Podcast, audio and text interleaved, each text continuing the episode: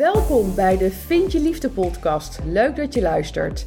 Mijn naam is Mira de Wild, transformatiecoach en therapeut gespecialiseerd in de liefde.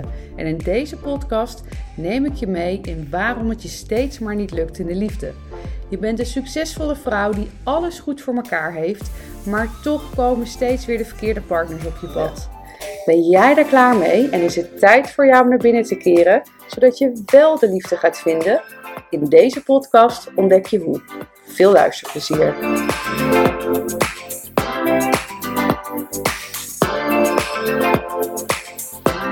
Welkom bij een nieuwe podcast.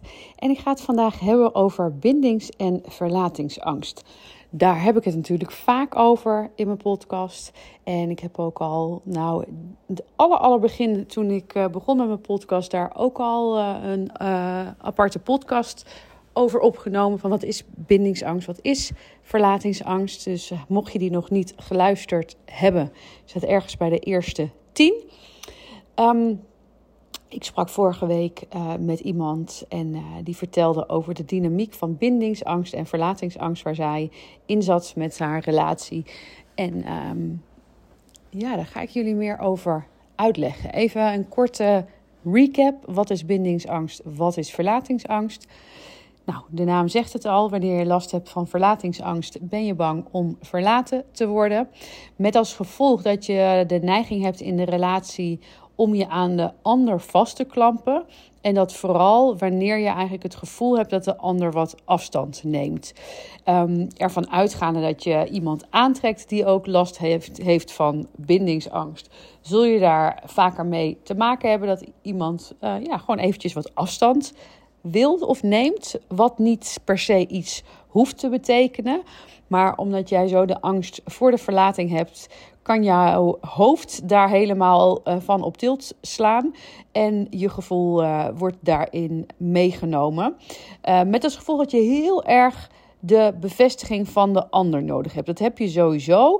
Maar wanneer je het gevoel hebt dat de ander een beetje dreigt weg te gaan, dan heb je die controle heel erg nodig. En dan kun je soms ja, eigenlijk wel buiten jezelf treden.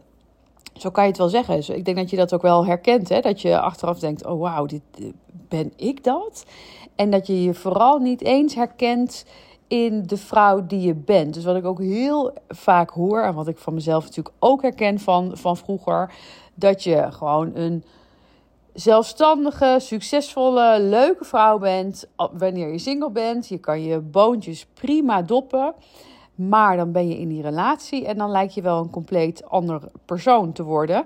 Uh, dan ben je helemaal niet meer die zelfstandige vrouw. Want dan ben je dus afhankelijk van wat de ander jou geeft. Um, en heb je dus nodig om die bevestiging te krijgen. En doe je daar dus ook je best voor om die te krijgen. Nou, aan de andere kant hebben we de bindingsangst.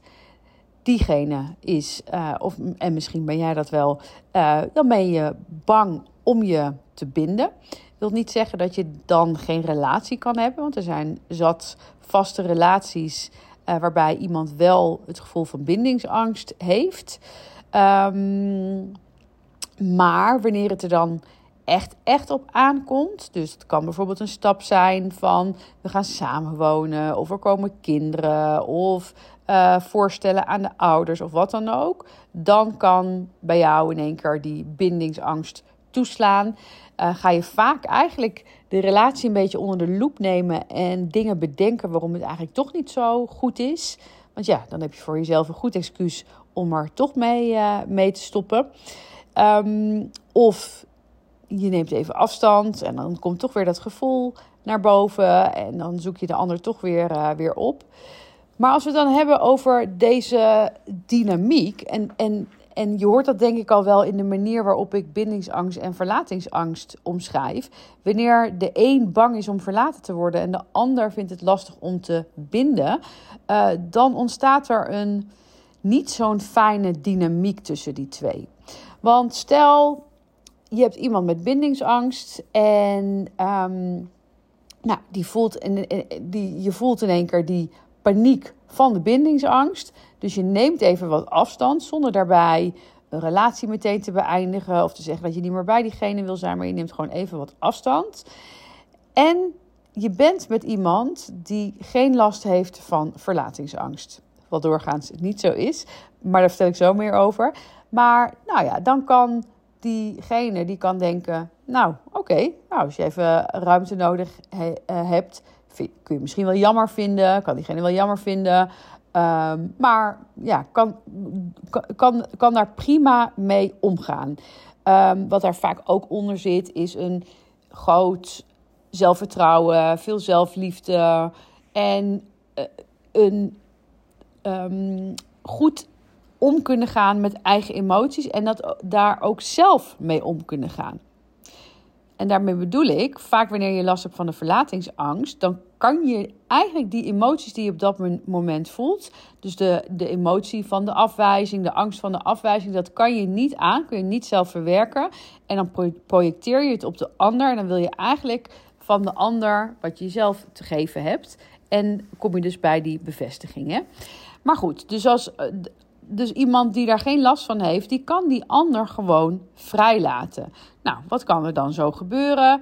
Diegene die bindingsangst heeft, die is even tot zichzelf gekomen.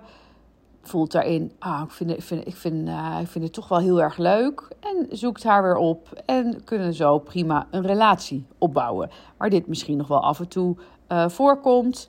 En um, daarbij zeggen dat, dat als dit op een dusdanige manier voorkomt iemand die geen last heeft van verlatingsangst, die zal altijd handelen vanuit wat goed is voor haar. Dus wanneer iemand continu maar steeds in die bindingproblematiek uh, zit, ja, die zal op een gegeven moment zeggen: Ja, sorry, maar hier ben ik te goed voor. Ik, ik, ik weet wat ik wil, ik weet wat ik waard ben. Dit, dit wil ik niet. En kan dan zo'n relatie beëindigen. Wil niet zeggen dat diegene daar niet verdrietig om is, maar kan wel daarin voor zichzelf kiezen. Wat gebeurt er nou met iemand die verlatingsangst heeft? Dus, stel, dus diegene met bindingsangst heeft een relatie met iemand met verlatingsangst. Zelfde situatie. Die krijgt, even, krijgt het even een beetje benauwd, neemt even afstand. Ervan uitgaande dat jij dan degene bent met verlatingsangst. Jij kan dan helemaal niet denken. Nou, ik weet wat ik waard ben. Ik, uh, uh, dat kan je trouwens wel denken, maar dat voel je waarschijnlijk niet oprecht uh, volledig zo. Um, dus je handelt vanuit je angst en je hebt dus die bevestiging nodig. Dus je duikt als het ware op die ander. Maar ja, wat gebeurt er dan met degene die last heeft van de bindingsangst? Die wordt natuurlijk nog meer benauwd door deze situatie. Want die heeft even afstand nodig. Maar in plaats van afstand krijgt hij juist iemand die helemaal op hem duikt. En um, ja, dat is niet fijn. En kan het zomaar zo, zijn dat degene met bindingsangst degene met verlatingsangst dan afstoot. Maar ja, uiteindelijk zitten die gevoelens voor elkaar er wel. Hebben ze even afstand van elkaar. En dan um, ja, zoekt degene met bindingsangst, degene met verlatingsangst, toch weer op. Onder het mom van: ja, ik voel toch echt wel veel voor je. En deze dynamiek kan heel lang door blijven gaan. Omdat degene met verlatingsangst, die zal niet zo makkelijk zeggen: hey, uh, kerel, wat jij nu aan het doen bent, daar, uh, daar heb ik geen zin in. Dit, dit ga ik niet doen. Als jij niet 100% zeker weet dat je voor mij wil gaan, dan zal er wel iemand anders zijn die het wel doet. Maar hier ga ik niet in verder. Maar iemand met verlatingsangst kan zo eigenlijk niet reageren, omdat je zo ontzettend um, die liefde zo graag wilt. Dat je zo graag wilt dat het lukt.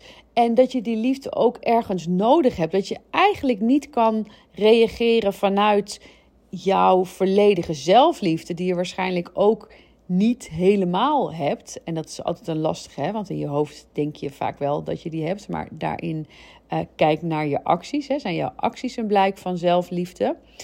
Um, ben je dus niet in staat om vanuit dat gevoel te handelen. Van ja, maar ik voel, ik heb, ik heb genoeg liefde in mijn hart om ook zonder deze persoon helemaal happy te zijn. Nee, je wilt eigenlijk zo graag die relatie. En ergens heb je die liefde van de ander ook nodig om echt gelukkig te zijn. Dus kun je niet zo, makkelijk tegen de ander zeggen: hey, dit is mijn grens. En um, nou ja, tot hier en niet verder. Want als je dat zou doen, zou het namelijk betekenen dat je die liefde niet meer hebt. Dat zou betekenen dat de relatie over is. En dat wil je niet. En daarom ga je eigenlijk over je grenzen heen, ga je langer door met iemand dan wat goed voor jou is. En hou je die dynamiek dus in stand. En het interessante hiervan is, is dat de bindingsangst en de verlatingsangst, dat zijn geen losse dingen. Hè? Dus wanneer jij last hebt van bindingsangst, dan zit daar verlatingsangst onder. En heb jij last van verlatingsangst, dan zit daar bindingsangst onder. Want uiteindelijk is het, is het bij jou, wanneer je last hebt van bindingsangst, dus je vindt het lastig om je te binden. Waarom ben je. Uh, waarom vind je het lastig om je te binden? Daar zit eigenlijk de angst van verlating onder. Omdat wanneer jij je bindt, kan je ook verlaten worden. En omdat die angst zo groot is, kies je er eigenlijk maar voor om je niet volledig te binden, want dan kun je ook niet verlaten worden. Oftewel kun je ook niet gekwetst worden. Heb je last van verlatingsangst? Ja, dan, dan, dan ben je eigenlijk heel erg bezig met die controle van, van de ander. Van, van de ander. Ehm, ik moet de bevestiging krijgen dat de ander mij leuk vindt. En daar doe je dan ook heel veel uh, moeite voor. Eigenlijk met dezelfde beweegreden. Je, wil, je wilt niet gekwetst worden. En je denkt dan door, die, door uh, controle uit te oefenen. En die is er natuurlijk niet. En dat weet je rationeel waarschijnlijk ook wel. Maar op zo'n moment lijkt je gevoel je echt over te nemen. En kun je niet meer, kun je niet meer zo denken. Ja, ben je alleen maar bezig om de bevestiging wel te krijgen dat hij wel bij je wil blijven. Dus allebei handel je vanuit een angst. En dat is de diepe angst om gekwetst te worden. En feitelijk kun je dus allebei het gevoel niet dragen. Je eigen gevoel kun je niet dragen. Uh, bij de afwijzing kun je het gevoel van de afwijzing niet dragen en projecteer je het op de ander. En bij de binding, bindingsangst, kun je het gevoel van, van de angst die je voelt voor de binding ook niet dragen. En duw je het van je weg. Dus bij allebei weliswaar een, een andere reactie. Maar allebei duw je datgene weg wat je eigenlijk aan te gaan hebt. Dus de, de emoties die de angstverbinding of de angst voor verlating veroorzaakt hebben. Um, vind je het interessant om daar meer over te weten. Van wat zit daar nou precies onder? Hoe zit het nou met bindingsangst en verlatingsangst? Misschien heb je ook al wel gehoord van codependentie. Ik heb ook al eerder een podcast over uh, opgenomen. Dat zit hier eigenlijk doorgaans, vooral bij de, wanneer je meer last hebt van de verlatingsangst, zit dat er, eronder. Oh, dat is ook nog wel eventjes goed om te zeggen dat de bindingsangst en de verlatingsangst kan ook bij jouzelf gewoon afwisselen. Hè? Dus daar kun je, je kunt in de ene relatie meer last hebben van bindingsangst, de andere relatie verlatingsangst. Um, en dat kan zelfs in één relatie afwisselen. Nou, daarnaast hebben we, heb je ook nog liefdesverslaving, relatieverslaving. Zal ik ook nog eens even een podcast uh, over opnemen. Heb ik volgens mij nog nooit gedaan. Um, maar daar vertel ik ook meer over tijdens de challenge van liefdespijn naar gelukkig zijn, die volgende week weer plaatsvindt. Uh, namelijk op um, maandag 23 januari tot en met donderdag 26 januari geef ik iedere avond om half negen in de avond een gratis, super waardevolle training voor jou. Die helemaal gaat over de, nou ja, negatieve dynamieken in de liefde, om het zo maar te zeggen. Dus wanneer dit heel interessant voor jou is, is wanneer je je of herkent in de bindings- en verlatingsangst, dat je misschien op dit moment ook in een relatie zit waar je deze dynamiek herkent, of dat je dat herkent uit je vorige relaties. Ehm, of wanneer het gewoon steeds maar niet lijkt te lukken in de liefde. Dus dat je steeds maar diegene aantrekt um, waar het niet lukt. Uh, dat kunnen de verkeerde mannen zijn, hè, foute mannen. Dat bekt altijd zo lekker. Gaat het niet zo om dat die man fout is. Gaat er vooral om dat de relatie niet goed is voor jou. Want dat is wat vaak de bottom line is dat je in relaties blijft die eigenlijk niet meer zo goed voor jou zijn. Um, dus ik wil je daar van harte voor uitnodigen. Het is iedere avond om half negen live, maar kun je er niet live bij zijn, dan kun je natuurlijk ook de opname bekijken. Dat kan altijd achteraf tot en met uh, zondag. Uh, na, de, na de challenge. Weet ik even, even kijken welke datum dat is. Dus dat is de 29ste. Um, het is natuurlijk waardevol om er live bij te zijn. Vooral omdat je dan ook een commitment naar jezelf maakt. We weten allemaal, is tegenwoordig zoveel wat je gratis kan, uh, kan krijgen. Je schrijft je in en dan de week daarna denk je, oh ja, shit, dat was. En dan is het alweer voorbij. Dus wanneer je voor jezelf gewoon het commitment maakt, zet het in je agenda.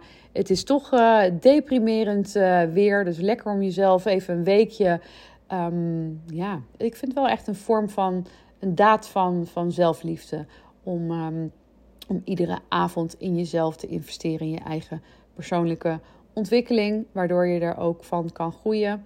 En nou, kun je echt een keertje niet, dan kijk je het wel later, uh, later na. En het voordeel van live is dat je achteraf ook je vragen aan mij kan stellen. Dus ik zou het hartstikke leuk vinden als je erbij bent. Uh, de link zal ik hieronder zetten. En die kan je ook natuurlijk vinden in, um, via mijn Instagram, via mijn bio. En als je naar de website gaat, www.miradewild.nl slash gratis, dan uh, kun je op die manier je ook inschrijven. Het wordt mega waardevol, dat beloof ik. En ik deel natuurlijk ook met je hoe je het vervolgtraject met mij kan starten. Uh, het negen maanden traject van liefdespijn naar gelukkig zijn. En er gaat iets veranderen. Ik heb een belangrijke keuze gemaakt. Ook daar zal ik na de challenge een, uh, een podcast, of misschien wel tijdens, nou, ik zie wel eventjes een podcast over, uh, over wijden. Want er gaat iets veranderen in mijn programma's. Het gaat simpeler, het gaat duidelijker worden. nu doe ik best wel veel ik ga heel wat dingen schrappen. Maar dat betekent ook dat een bepaalde vorm van een, van programma, dat ik die voor de aller, allerlaatste keer uh, op deze manier, voor deze prijs ook aan ga bieden. En uh, de allerlaatste keer is tijdens de aankomende challenge. Dus uh, dat is ook nog wel een goede reden om er echt bij te zijn. Nou, ik hoop dat, um, dat je wat hebt gehad aan het inzicht van hoe kan het nou dat je die dynamiek hebt tussen de bindings- en de verlatingsangst. Hè? Omdat je eigenlijk bij elkaar in stand kan houden uh, wat er ook allebei onderliggend zit. Namelijk een bepaalde angst om afgewezen te worden. En ook allebei um, dat je allebei daardoor ook het commitment niet aan durft te gaan. Hè? Want bij de verlatingsangst heb jij misschien wel het idee van ja, maar ik wil echt die commitment uh, uh, aangaan. Ik voel dat.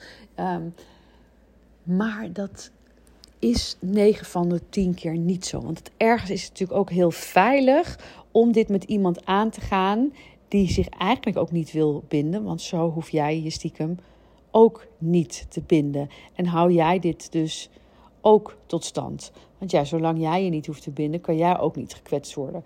Dat gebeurt natuurlijk wel, maar ja, dat is het onderbewuste. En ons onderbewuste is, oh, dat is zo'n, um, nou ja, ik wil niet zeggen vervelend iets, want het zorgt ook voor heel veel goede dingen. Maar in de liefde zit het je zo enorm in de weg. Dus jullie hebben allebei, of je nou in de bindingsangst of in de verlatingsangst herkent, heb je het contact met jezelf volledig te herstellen. Uh, aan te gaan. Ligt een beetje in wat voor fase uh, je zit. Misschien heb je al een en ander gedaan. Um, en dan nog, er zijn zoveel diepere lagen te bereiken met, uh, met persoonlijke ontwikkeling. Maar dat weet je, dat weet je zo langzamerhand denk ik ook wel. Um, nou, nogmaals, we gaan wat meer de diepte in volgende week. Ik hoop van harte dat je erbij bent. En voor nu wens ik jou een hele fijne dag. Oh ja, en zoals altijd, laat me even weten via Instagram.